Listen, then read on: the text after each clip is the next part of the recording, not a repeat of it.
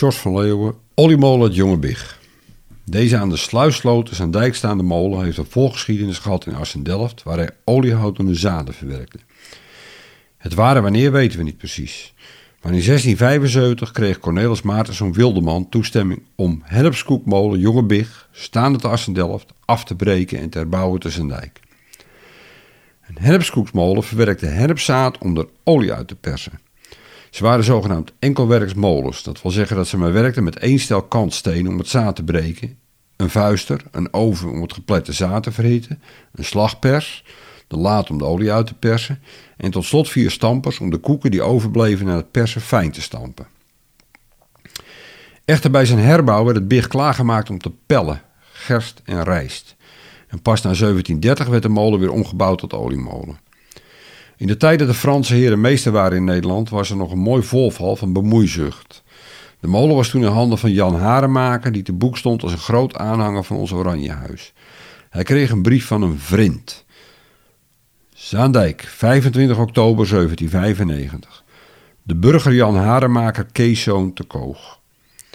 De zeilen van de molen het Big lopen hier gedurig in het oog. Daarvoor worden nieuwe aanzoeken gedaan. Zo zelfs dat indien dit voortduurt, gij mogelijk door het comité van waakzaamheid vriendelijk zult verzocht worden om dien aanstoot weg te nemen. Zeer aangenaam zou dat mij zijn, indien gij dit verzoek wildet voorkomen.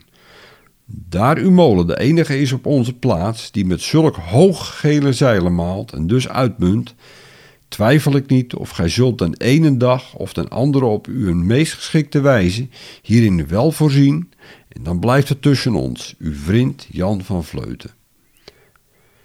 Daarbij moet worden uiteengezet dat onze Zaanse molens uniek zijn wat betreft kleuren van hun molenzeilen. Wij wisselen tussen zomer- en winterzeilen. Zomers voeren de molens twee witte en twee menirode zeilen, behalve onze meel- en pelmolens, die blijven altijd helemaal wit.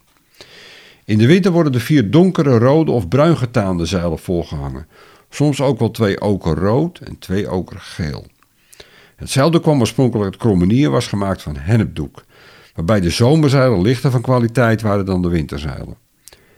Elders in Nederland blijven de molens het hele jaar door dezelfde zeilen voorhangen. Overigens was een goed uitgeruste in de Zaanse industriemolen voorzien wel wel twaalf paar zeilen.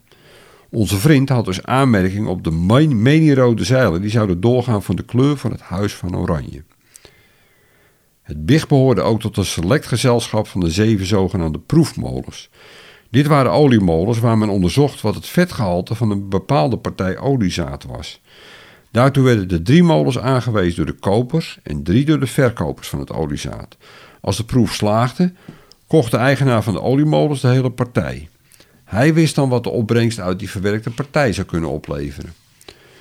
Deze molens hadden ook een eigen vaste molenmaker die meestal bestond uit een oudere persoon met zeer veel ervaring.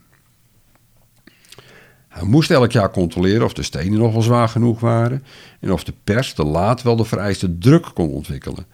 Voor het BIG was dit Adriaan Ulle, destijds meestermolenmaker en woonachtig op kalf nummer 86. Zijn huisje staat er nog, weliswaar zwaar in verval. Zowel het BIG als Adriaan Ulle waren de laatste in de Zaanstreek die dit werk mochten uitvoeren. Daarna was het afgelopen met de proefmolens en hun molenmakers. In de periode dat de fabrieken terrein won op de windmolen schakelde het jonge Big over op het persen van cacaoafval om er boter uit te halen. Hij was van eigendom van Teunolie. Hij richtte later een fabriek op vlak bij de brug in zijn dijk, de TOK, Teunolie en Compagnon. Toen hij van start ging in 1915 was het exit voor het jonge Big. Deze kwam in het bezit van Jan Stuurman, die toen ook al met de OS werkzaam was. Het verwerken van cacaoafval was niet zonder risico. Dit heeft ook het jonge Big ervaren. In de nacht van 19 november 1923 brak er brand uit. En gezien de ligging achter de spoordijken in het veld was er voor de brandweer geen houden aan. Reddeloos ging deze oude reus ten onder. De kranten beschreven het met veel verven. De brand werd ontdekt door buren die dachten dat er overwerk werd gedaan.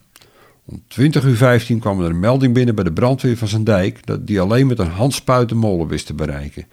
Pas na 21 uur lukte het om een motorspuit met een schuit dichterbij te brengen. Ondertussen smolt de cacao brandend de sloot in.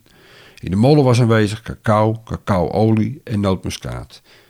Het Wiekenkruis draaide eerst nog linksom, toen rechtsom en na een halve slag in de omgekeerde richting stortte de boel met donderend geraas in elkaar.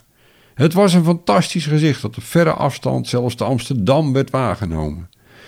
De Zaanse driewielautobus'en hielden op de Lage Dijk zelfs stil om het schouwspel aan de reizigers te kunnen tonen. De verzekering dekte alle schade voor Jan Stuurman. Nu staan op zijn erf de huizen van de dokter J.J. van der Horstraat.